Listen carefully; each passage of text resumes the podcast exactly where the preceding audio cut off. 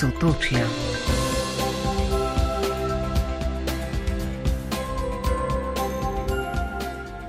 Dober večer, lepo pozdravljeni vsi, ki ste se odločili za družbo rojakov iz sosednjih držav.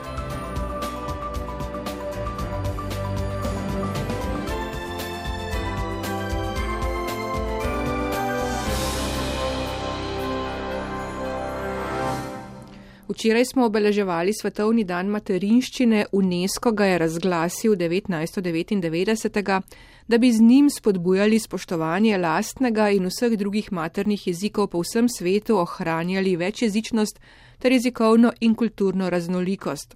Kako pomemben je materni jezik in koliko truda je treba vložiti, da se ohrani in razvija, najbolje vedo prav rojaki iz sosednjih držav, ki so iz dneva v dan soočeni z dvo in večjezičnostjo. Ena takšnih je tudi Zalka Kuhlin, ravnateljica slovenske gimnazije v celovcu. Slovenščina za me osebno pomeni seveda eno neizmerno bogatstvo, ki so mi ga položili v zibelko moji starši in moji predniki. In uh, bogatstvo, ki ga dam naprej tudi v svoji družini, v svoji ščerki in uh, v, v žlahti. Na slovenski gimnaziji pa seveda posredujemo slovenščino tudi dijakom, dijakinjam, ki doma tega bogatstva ne živijo ali pa ne v tej meri, kot smo ga živeli še v moji generaciji. Tle se seveda tudi spreminja jezikovno obličje dvojezične koroške.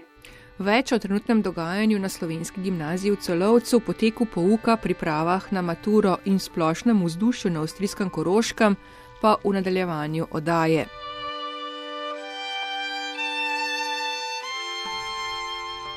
Na materni jezik je minuli teden v italijanskem senatu opozorila tudi Tatjana Rojc. Zadovoljna zaradi evropske usmeritve nove vlade Marija Dragija je pozvala, naj vlada ravna v evropskem duhu tudi v odnosu do manjšin. Italija namreč še ni ratificirala evropske listine o regionalnih ali manjšinskih jezikih, zakon o zaščiti slovenske manjšine pa tudi še ni povsem uresničen, je dejala slovenska senatorka. Pri tem je opozorila na 26. člen zakona in pravico do olajšane izvolitve slovenskega predstavnika v parlamentu. Che lei, signor Presidente del Consiglio, avrà il mio e il nostro voto di fiducia. Hvala lepa, gospod predsednik. Mi se bomo nocoj ustavili v Gorici v centru Emil Komel, kjer individualni glasbeni pouk vse skozi poteka normalno, kljub epidemiji in zaščitnim ukrepom. Odar pa bo žal še nekaj časa sameval, to da prireditve in nastopi potekajo. Kako boste slišali v pogovoru z ravnateljico Aleksandro Sketino? Zunani minister Anžel Logar se je v petek na Dunaju sestal z avstrijskim ministrom za evropske in mednarodne zadeve Aleksandrom Šalembergom. Med drugim mu je prenesel zadovoljstvo slovenske narodne skupnosti zaradi povečanja finančnih sredstev in povdaril pomen normativnih sprememb za zaščito slovenske manjšine v Avstriji. Da je novela zakona o narodnih skupnostih sicer prioriteta avstrijske vlade, eno od najpomembnejših odprtih vprašanj so ministra Logarja opozorili tudi predstavniki slovenske narodne skupnosti v Avstriji. Na avstrijskem Koroškem je v petek potekalo predčasno glasovanje na lokalnih volitvah, ki bodo v nedeljo. Na njih se bo za župane in mesta v občinskih svetih potegovalo več koroških slovencev in slovenk. Sodelujejo na listah različnih strank, predvsem pa v enotni listi, ki ima svoje kandidate v 22 občinah. Več o tem si lahko ogledate v včerajšnji oddaji Dobrodan Koroška, ki jo najdete na našem portalu RTV4D. O rezultatih lokalnih volitev pa podrobneje čez teden dni tudi v naši oddaji. Nocoj bomo med drugim gostili mladega rojaka Lea Šamaniča, profesorja biologije in kemije, ki je leta 2017 diplomiral na Ljubljanski pedagoški akademiji. Pred kratkim se je dejavno vključil tudi v slovenski dom Bazovica na reki. Za ohranjanje in razvoj jezika je pomembna tudi literatura. Rojakom v porabi pri tem pomaga tudi potujoča knjižnica iz Murske sobote. Slovenskimi knjigami jih razveseljuje tudi v času pandemije, boste slišali v drugem delu oddaje, najprej pa se odpravimo v celovec. Sotočja. Slovenska gimnazija oziroma Zvezdna gimnazija in Zvezdna realna gimnazija za Slovence, ustanovljena leta 1957, je eden od intelektualnih temeljev koroških slovencev. Zaradi epidemije je pouk potekal predvsej časa nadaljavo, minuli teden pa so se učenci vendarle vrnili v šolske klopi. Toda pouk je prilagojen, pojasnjuje ravnateljica Zalka Kuhling. Pouk pri nas uh, poteka izmenično uh, v skupinah, to pomeni, polovica razreda obiskuje pouk ponedeljkih in torkih, polovica razreda obiskuje pouk ob sredah in ob četrtkih in ob petkih imamo pa vsi pouk nadaljavo. Kar pa seveda ni enostavno. Je zapleteno in zahteva precejšno organizacijo šolskega vsakdana. Uh, smo zmogli s pomočjo in z uh, delavnostjo razredničak, razrednikov administracije in seveda v dobrem sodelovanju s starši. Starši so sicer vrnitev k pouku pozdravili. Starši so zelo veseli, da se je šola spet nekako pričela in da imamo en gotovi delovni ritem, in da ima tudi mladina delovni ritem in da se zaveda, da je šola spet postala socialna ustanova in da ni prepuščen eh, dijak samemu sebi. Ena od novosti šolskega vsakdana je postalo tudi testiranje tako učencev kot učiteljev.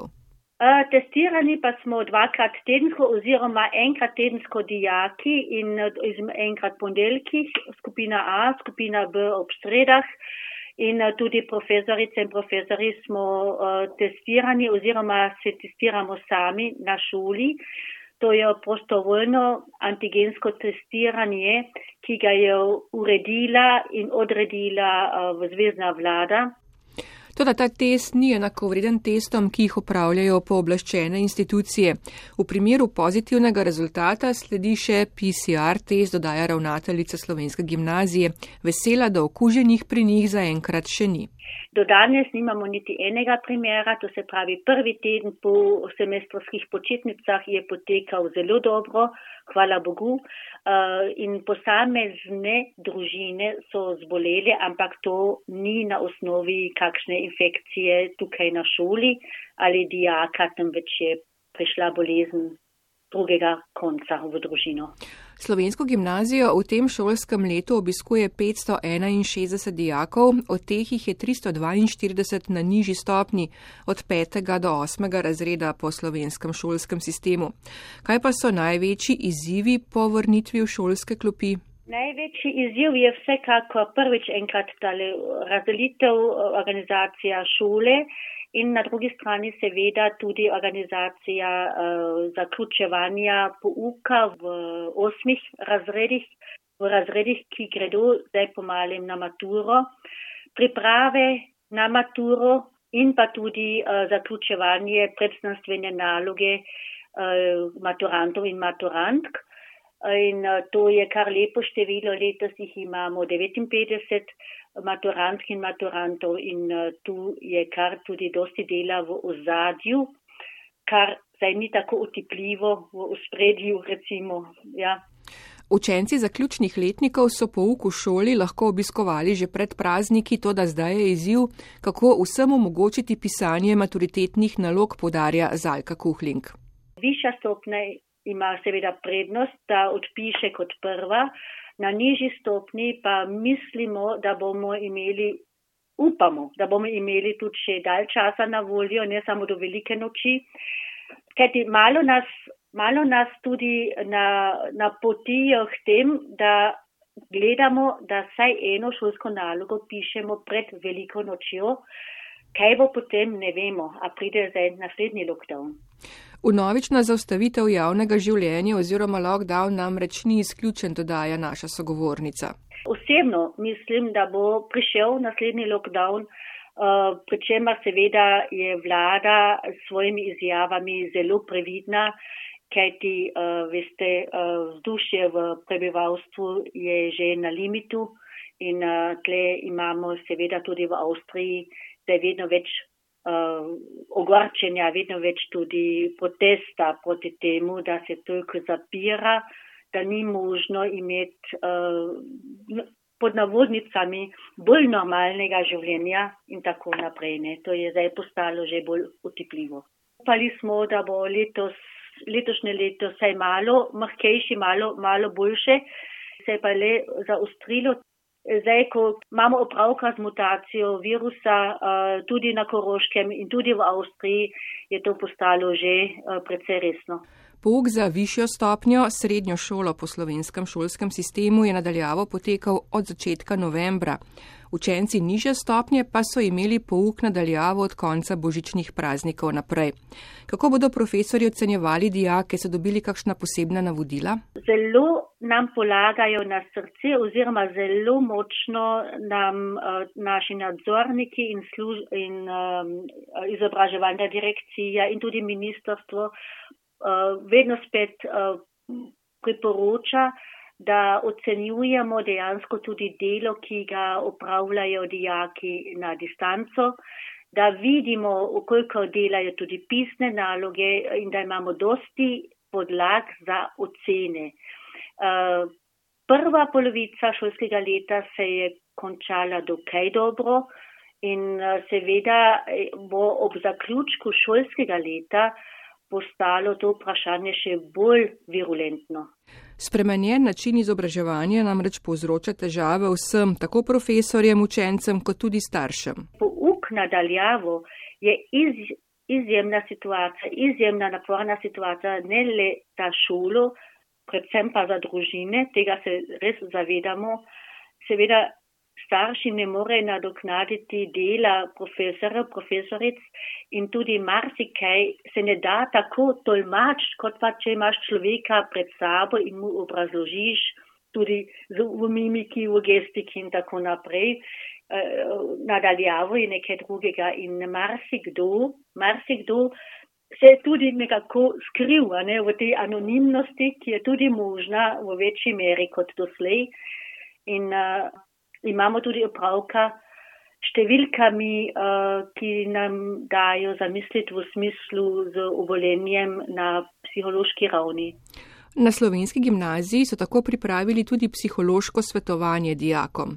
Psihološko svetovanje je seveda možno. Mi imamo na šoli šolsko zdravnico, ki je bila dosegljiva za dijake tudi na osebnem telefonu in potem imamo na šoli še mladinskega koča, gospo psihologinjo, ki za višjo stopnjo uh, nekako uh, skuša nekako uh, tudi op se oprijeti tega velika, to je res tak en velikanski vozu, ki se začne vrteti in uh, ko ga potem zelo, zelo težko razvozlaš. In seveda je tle tudi, uh, imamo tudi uh, na šolskem uradu um, primerno institucijo, šolsko psihologijo, ki nam tudi pomaga. Pouk nadaljavo je največ težav povzročil dijakom, ki so že prej imeli probleme. Dodaten izziv, dodaja Zalka Kuhling, pa predstavlja večjezičen pouk, po katerem je slovenska gimnazija znana. Naša uh, večjezičnost oziroma naša, uh, naše prizadevanje za ohranitev in za razvoj slovenščine, to stran mi je, je seveda, uh, to je primarno. Na drugi strani pa seveda imamo v kuge, ne le v kugevih razredih, ampak tam izredno to živo večjezičnost, kar se nam zdi letos seveda zelo škoda je, da nimamo tega živega stika s Slovenijo, z dijaki iz Italije in tako naprej. To nam seveda manjka. Uh, nadoknadimo delo ali pa delamo z dijaki pač uh, s pomočjo jezikovnih asistentk, asistentov tako v slovenščini, kot tudi v italijanščini in francoščini, angliščini, če je možno. V ruščini imamo asistentko, ki je prišla iz Rusije, to je zanimivo.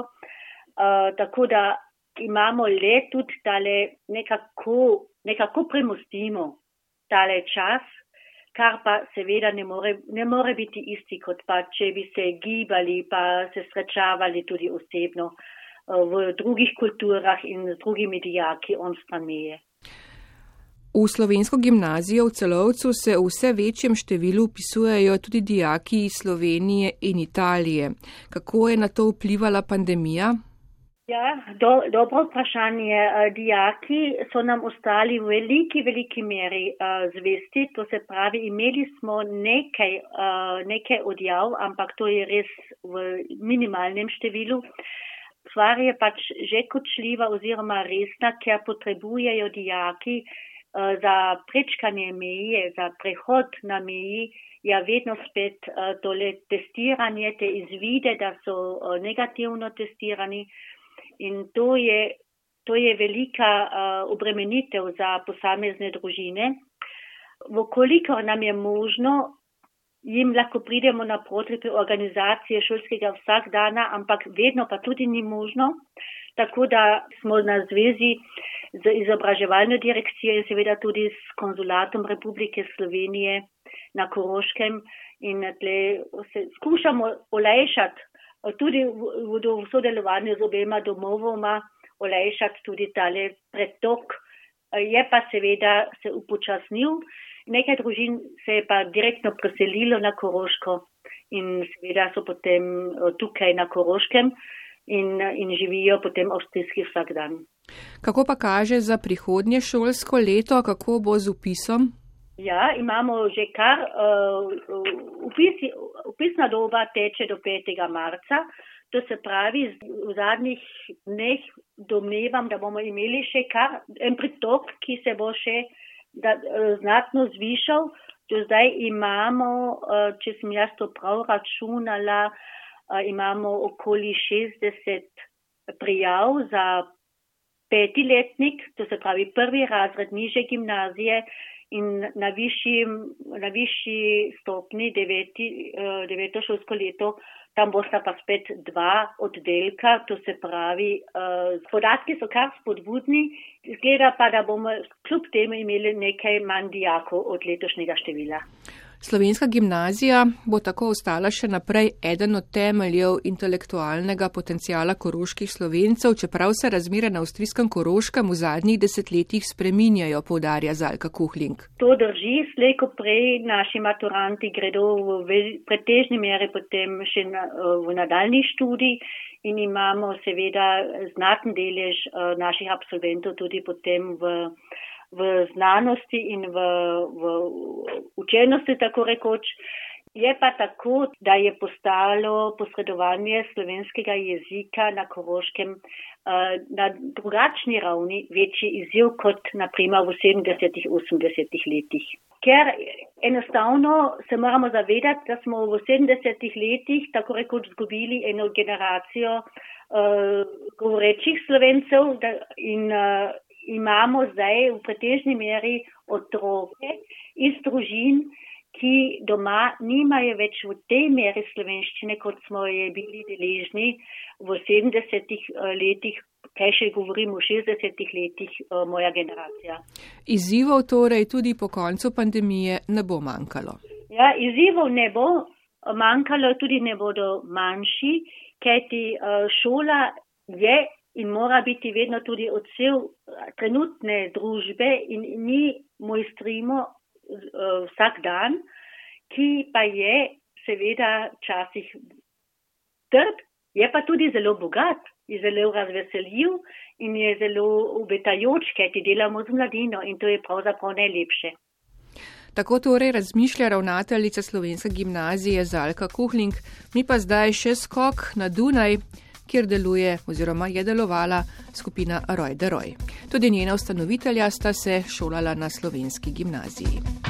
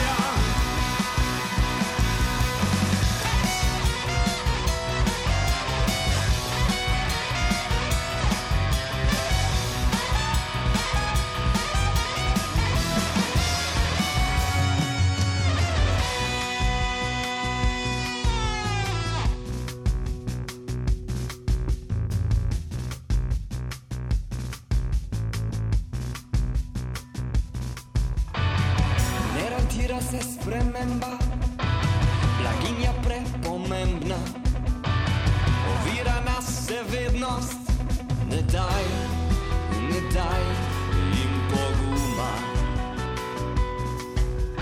Stvarne distance korajžni, izmuzljivi v bližini, nagi bodo brez kostuma, ne daj, ne daj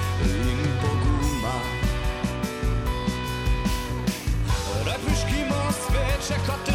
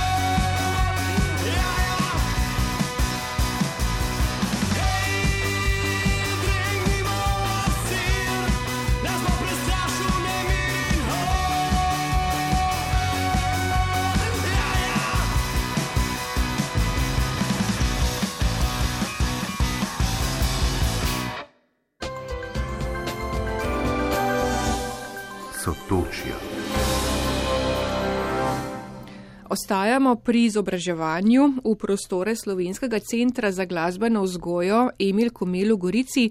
Nas v naslednjih minutah vabita ravnateljica Aleksandra Sketino in kolegica Tatjana Gregorič. Tudi tam se namreč učenci in učitelji vračajo v učilnice, žal pa ne tudi na šolski koncertni odr, a kljub temu že snujejo zanimive nove projekte.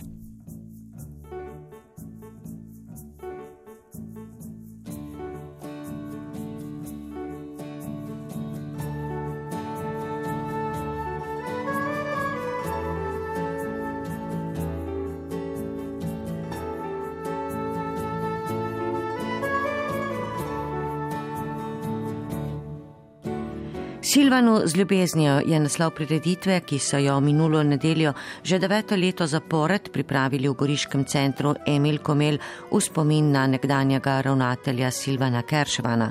Korona kriza torej ni prekinila te tradicije, je pa bil večer precej drugačen kot prejšnja leta in je zaživel le na spletu. Pripravili so presek vseh minulih večerov in spletni dogodek si še vedno lahko ogledate na YouTube kanalu šole.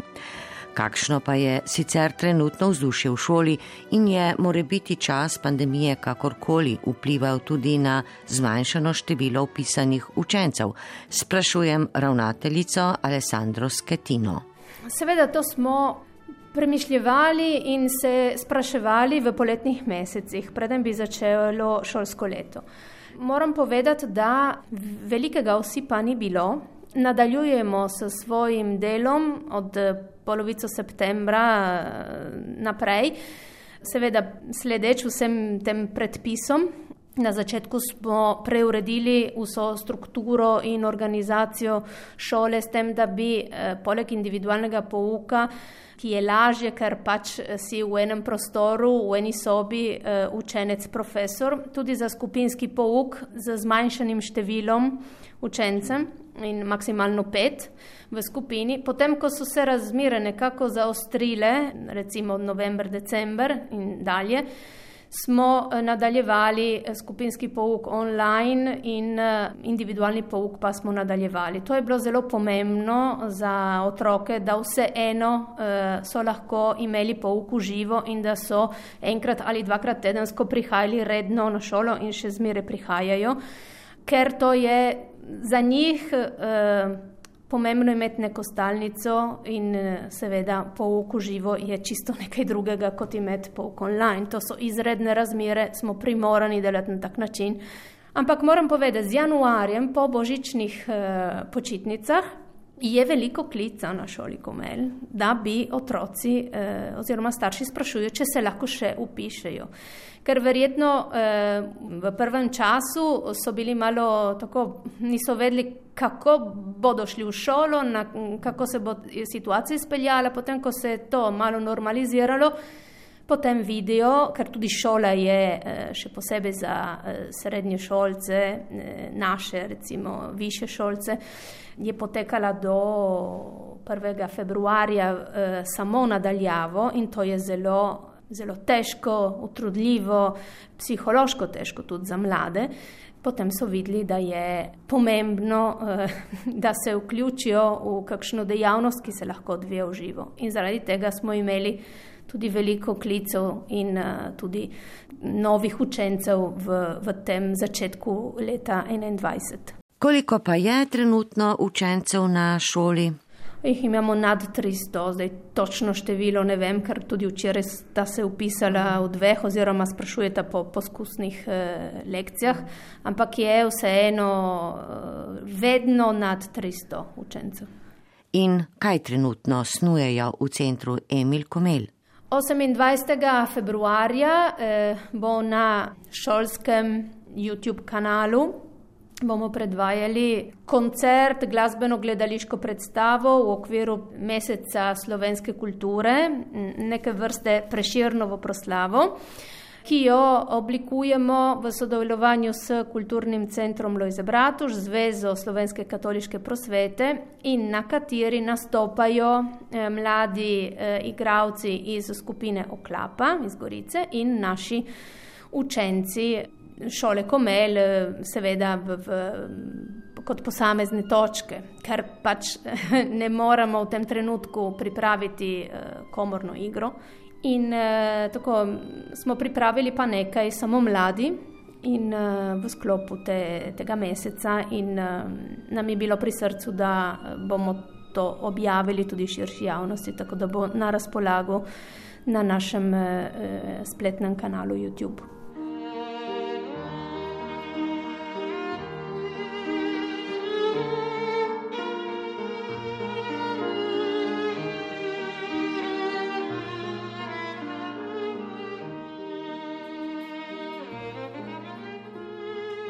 Dodajmo, da v centru Emil Komel v teh dneh intenzivno pripravljajo tudi razpis za prvo mednarodno tekmovanje Muzika Gorecienzis, ki je žal lani zaradi zdravstvenih razmer odpadlo.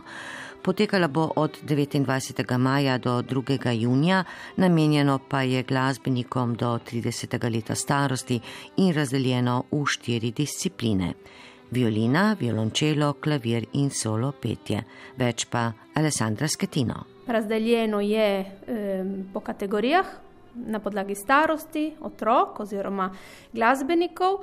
Kategoriji je pet, od A do E. In v najvišji kategoriji bodo dobitniki nagrad eh, lahko tudi nastopali v raznih koncertnih sezonah eh, v našem širšem teritoriju. Seveda, vse to je vezano na izredne zdravstvene razmere, v katerih živimo. Želimo, da tekmovanje oziroma Čakali smo na vse odredbe, na razvoj situacije in upamo, eh, da v eh, spomladanskih mesecih bomo lahko to uresničili v živo. Če slučajno razmere ne bodo dovoljevale, eh, smo pripravili plan B in sicer tekmovanje online, ampak to res tako bi bila naša zadnja možnost. Zakaj samo te discipline? Tako, od la, že lani jih je bilo samo tri.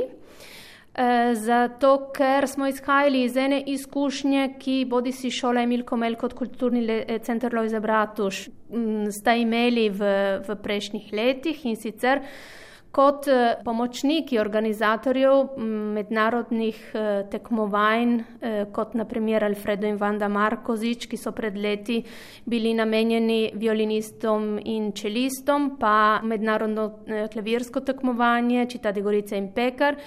In zato na podlagi te izkušnje, pri katerih bodi si uh, center Bratuš kot Emil Komel, ste imeli tudi pomembno vlogo uh, iz organizacijskega in logističnega vidika, smo tako odločili, da bomo uh, nadaljevali s temi tekmovanji. Potem lani pa uh, res smo že imeli upisane učence oziroma glasbenike iz sedem držav, tudi izven Evrope. In eh, veliko je bilo tudi popraševanje za klavir.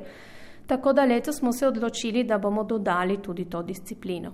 Tekmovanja dobijo določen ogled tudi zaradi žirantov, so že znani.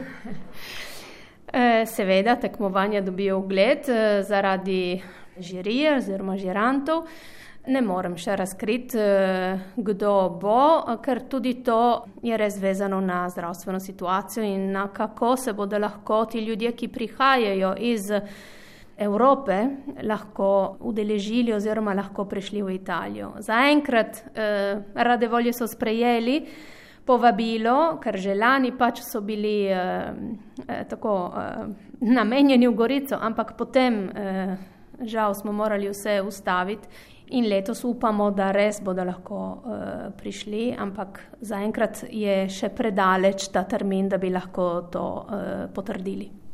Razpis je zunaj, kakšni so pogoji, dokdaj se lahko prijavijo?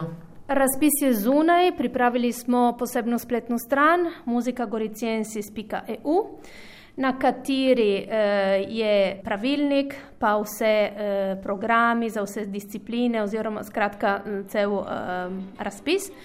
Eh, vsi eh, se lahko prijavijo do 20. aprila, do takrat bomo tudi povedali, če bo tekmovanje potekalo v živo ali pa če bomo morali eh, preiti na plan B oziroma tekmovanje online. Violinisti, violončelisti, pianisti in solo pevci, torej vabljeni na prvo mednarodno tekmovanje Muzika Goriciensis, ki bo potekalo od konca maja do 2. junija v kulturnem centru Lojzeta Bratuža v Gorici. Rok za prijave je 20. april in seveda vabljeni tudi k spremljanju glasbeno-gledališke predstave 28. februarja, pa čeprav le na šolskem YouTube kanalu.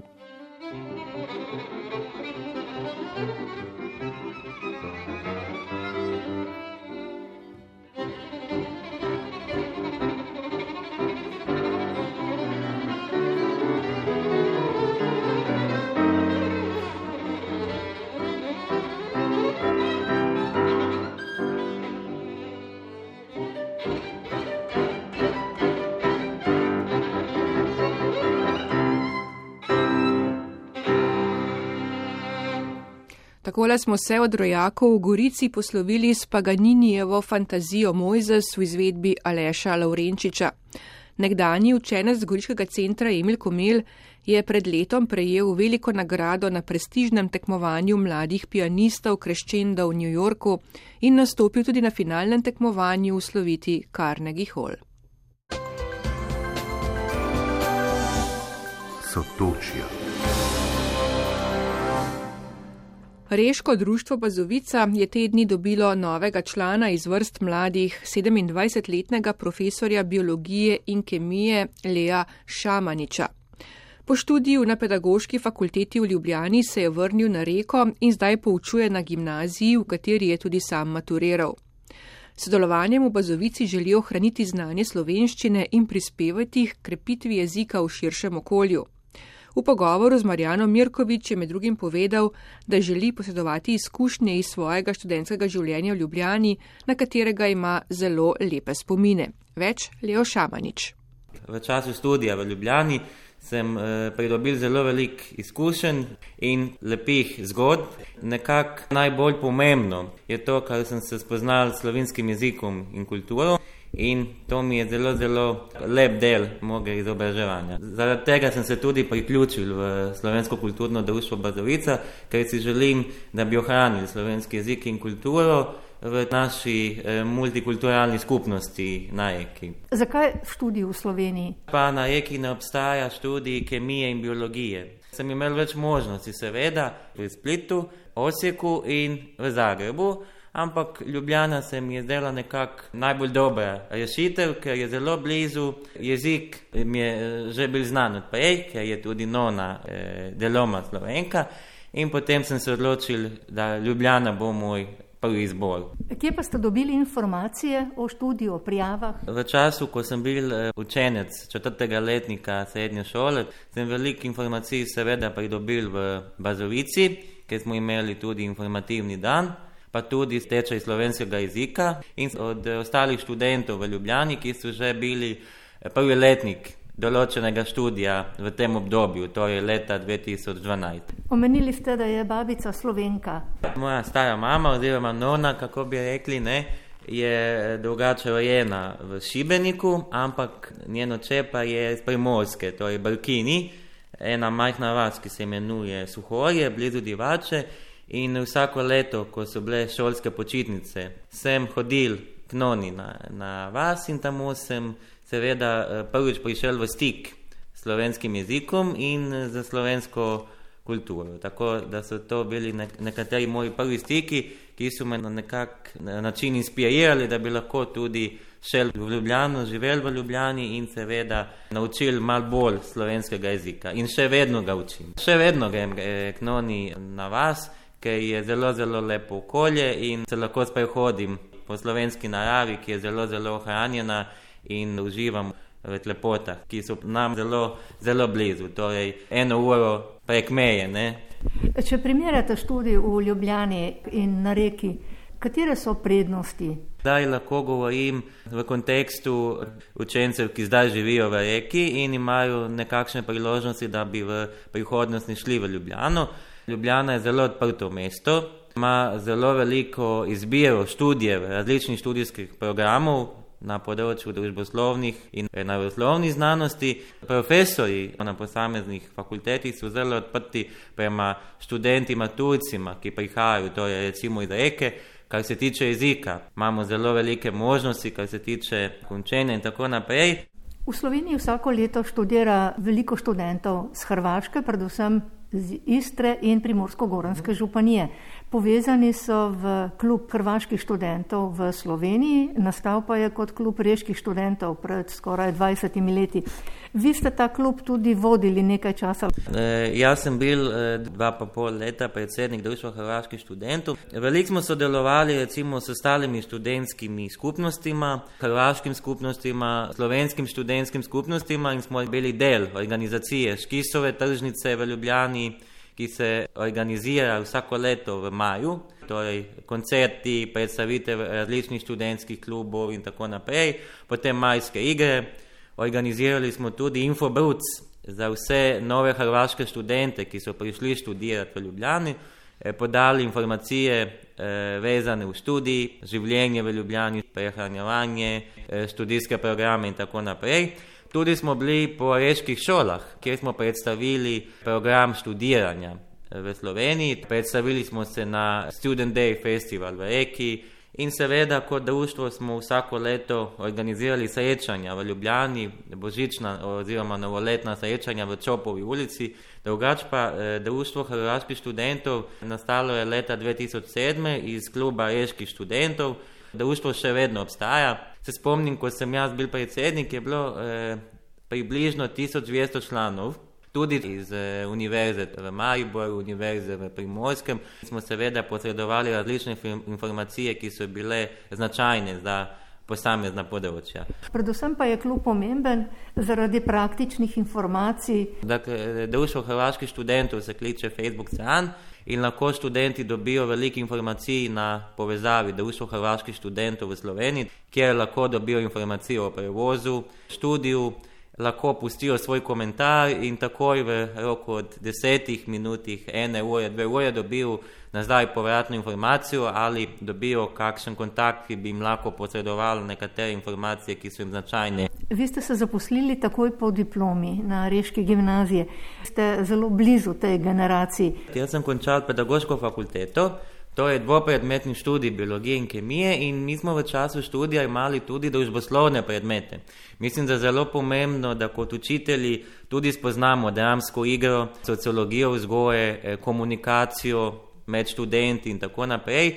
In sem imel možnost tudi poslušati nekatere predmete, ki so iz tega področja. In mislim, da je izobraževanje v Sloveniji, v Ljubljani na področju pedagogije zelo, zelo kvalitetno in sem dobil veliko, veliko izkušenj, ki jih zdaj uspešno apliciram v Reški gimnaziji in tako, da imam lažji stik z učenci. Sem mlajši profesor in eh, lažje eh, vzpostavimo stike. Pouk je timski, pouk je aktiven. Jaz si želim, da oni sami pridejo do eh, nekakšnega novega biološkega znanja, da dobijo izkušnje in da znajo uporabljati znanje v praksi, da ga znajo aplicirati ker je biologija danes v času globalnih sprememb zelo, zelo pomemben predmet in mislim, da ga na ta način treba poučevati tudi. Na pedagoški fakulteti eh, v Sloveniji tudi deluje odel pedagoške fakultete, ki je bil izvidni predmet za študente biologije in kemije in smo imeli priložnost sami narediti predstavo in improvizirati v različnih predstavah in to mi je dalo širšo sliko učiteljskega poklica. Učitelj ni samo učitelj, ki predaja snov, učitelj je tisti, ki rabi imeti scenografijo za svoj pouk, eh, dramsko igro in svoj scenarij. In to je tudi eh, zelo pomemben del učiteljskega poklica, kako učencima približati recimo biologijo, približati kemijo na način, da uvrščamo v svoj pouk nekatere dele dramske igre, ki podbujajo motivacijo učencev. So te izkušnje morda pripomogle tudi za sodelovanje v dramski skupini Društvo Bazovica? Ja, seveda. Sem se eh, predvsem vključil v Bazovico, kako bi ohranjali slovenski jezik in kulturo in se seveda učil še vedno slovenščino, zdaj pa imam priložnost, da se lahko vključim in nekatera svoja znanja in praktične izkušnje prenesem tudi v delo dramske skupine in se zelo eh, veselim aktivnem sodelovanju in upam, da bomo pripomogli k dramski igri na reki na slovenskem jeziku, seveda. Ponudili ste tudi pomoč pri informacijah za študij. Katera so vaša priporočila maturantom? Sem redničar v maturanskem redu in se zelo veliko pogovarjamo o študiju v Ljubljani in zelo velike interese. Vedno povem, naj se ne bojijo jezika, vedno sem govoril, da se jezik eh, lahko nauči takrat, ko si v izvirnem stiku s sogovornikom jezika.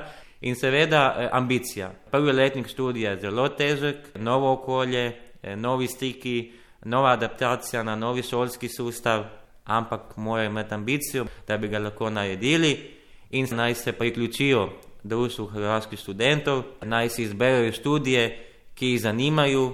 In četrto, naj upoznajo Ljubljano. Ljubljana je zelo odprto mesto, zelo je veliko aktivnosti, možnosti za uspeh in zelo veliko lepih spominov, ki na koncu nastajajo med, med študijem. Leon Šamanič, hvala za pogovor in uspešno krepitev reško-slovenskih vezi tudi v prihodnje. Hvala vama in še vedno povdarjam, da se veselim aktivnem sodelovanju z Bazovico in da bom tudi prispeval k delu, k društva Bazovica. Hvala.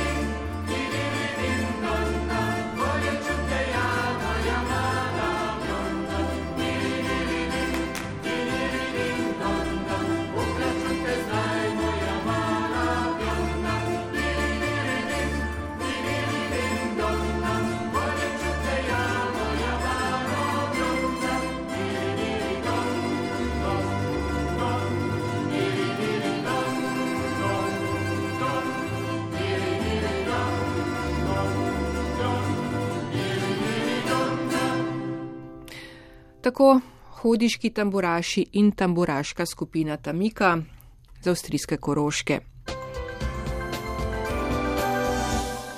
Sotočja.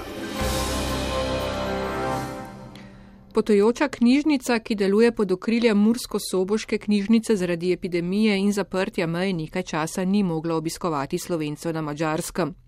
V začetku februarja pa se je v sodelovanju z Generalnim konzulatom Republike Slovenije v Monoštru vrnila v porabje. Sicer pa je potojoča knjižnica porabje prvič obiskala pred dobrimi 20 leti. Več o tem je Silvi Eri povedala Jana Balažic, vodja potojoče knjižnice v pokrajinski in študijski knjižnici Murska sobota.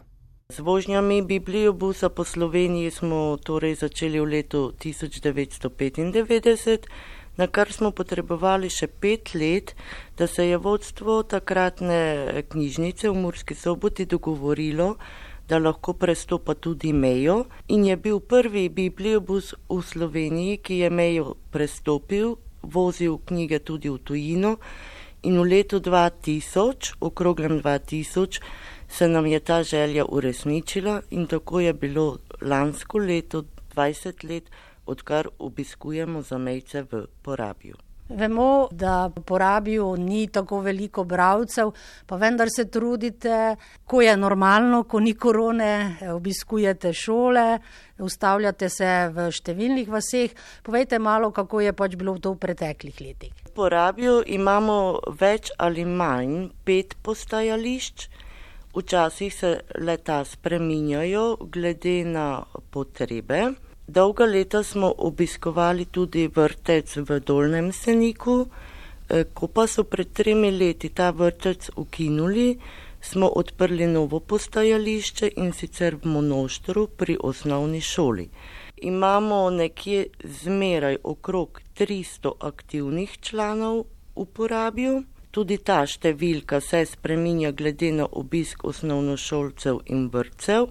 Zakaj na obisk šol in vrtcev? Zato, ker naš bibliobus na štirih postajališčih, ki jih ima v porabju, stoji pri vrtcih in osnovnih šolah. Eno postajališče, to je postajališče v Monoštru pri hotelu Lipa, je namenjeno odraslim obiskovalcem. Torej, ta postajališča, pri katerih obiskujemo šole in vrtca, pa so v tem trenutku Gornji Senik, Sokolovci, Monošter osnovna šola in Števanovci. Kako je bilo lani, ko vemo, da smo imeli spomladi pač lockdown? V mesecu marcu, ko se je država zaradi epidemije zaprla, smo nehali obiskovati Monošter, na kar smo s 1. julijem organizirali prevoz knjig v porabje z osebnim avtomobilom. Torej, nismo potovali z bibliobusom, ampak z osebnim avtomobilom. Izposoja pa je potekala tako, da smo nekaj škatelj eh, napolnili s knjigami, jih dali v avto in iz teh škatelj so si obiskovalci tega avtomobila lahko knjige izbrali po lastni izbiri. Vendar naj poudarim, da je pa večina izposoja potekala tako, da so si obiskovalci oziroma uporabniki našega bibliobusa knjige naročili vnaprej. Kajti navodila Nacionalnega inštituta za javno zdravje so zahtevala, naj se knjige naročijo vnaprej, naj čim več izposoje poteka brezstično, tako smo mi te knjige, ki so si jih oni rezervirali vnaprej, zapakirali v vrečke, na vrečke napisali njihova imena, jih zložili v škatlo in na dotičnem postajališču so si uporabniki te vrečke sami samo vzeli. Potem konec leta pa se je ta proga, pa tudi vse druge proge so se zaprle. Ne? Tako je. Potem v začetku septembra smo trikrat z bibliobusom še lahko obiskali porabje. Potem so se meje ponovno zaprle. Tako do letošnjega februarja nismo obiskovali uporabcev za mejstvo, kar pa ne pomeni, da nismo delali na tem, da bi jih k branju privabili. Mi z sodelovanjem Radija Monošter izvajamo tako imenovane literarne ure, kjer predstavimo knjige, pa to so novitete, tudi eh, knjige domačih avtorjev, potem knjige, eh, ki obeležujejo dotično obletnico, naprimer v letošnjem letu 30 let eh, samostojne države, na dotično temo izvedemo literarno uro in na ta način skušamo privabiti čim več uporabnikov, da si knjige tudi izposodi. No, in potem ste se zdaj februarja vrnili, ampak ne z velikim avtobusom, z bibliobusom, ampak spet kako z osebnim avtomobilom. Tako je 1. februarja smo sedaj ponovno obiskali zamejce v porabju ampak kot ste že povedali, z osebnim avtomobilom ponovno in po navodilih NIJZ-ja, se pravi, ponovno so se ljudje mogli eh, naročiti knjige vnaprej, smo jih zapakirali v vrečke, napisali imena in jih potem razdelili. Kdaj bo zdaj naslednjič eh, ta majhen bibliobus obiskal porabje?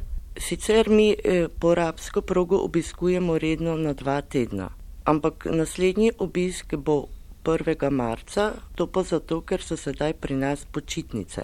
Od 1. marca naprej bo ponovno ta obisk potekal vsaka dva tedna, se pravi na 14 dni.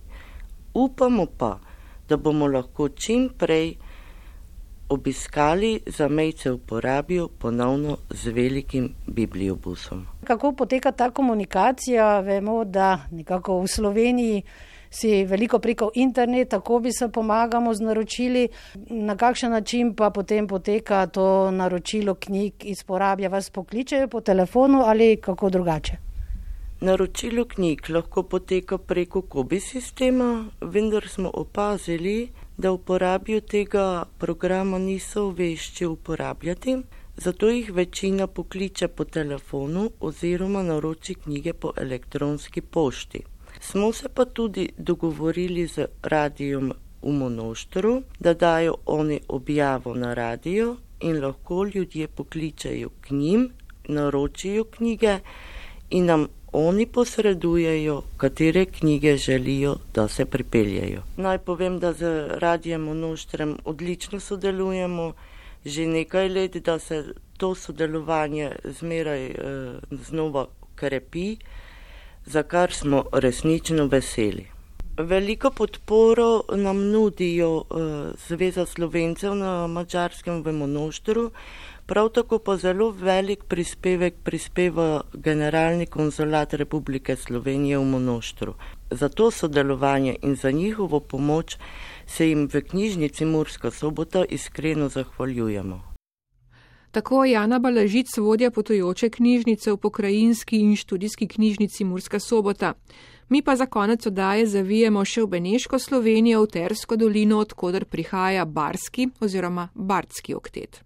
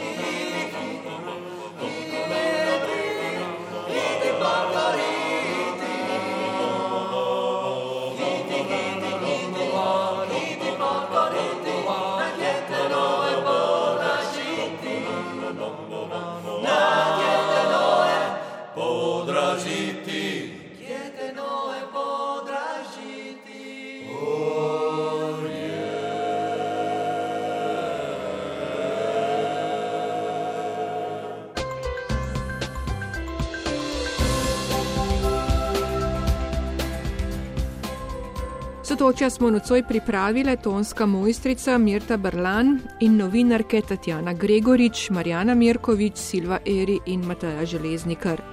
Vedno znova nas lahko poslušate na spletni strani prvega programa, kjer med oddajami poiščete sotočja. Lahko se naročite na podcast ali nas najdete v našem spletnem 4D arhivu. Srečno in nasvidenje do prihodnje oddaje. Sotočja.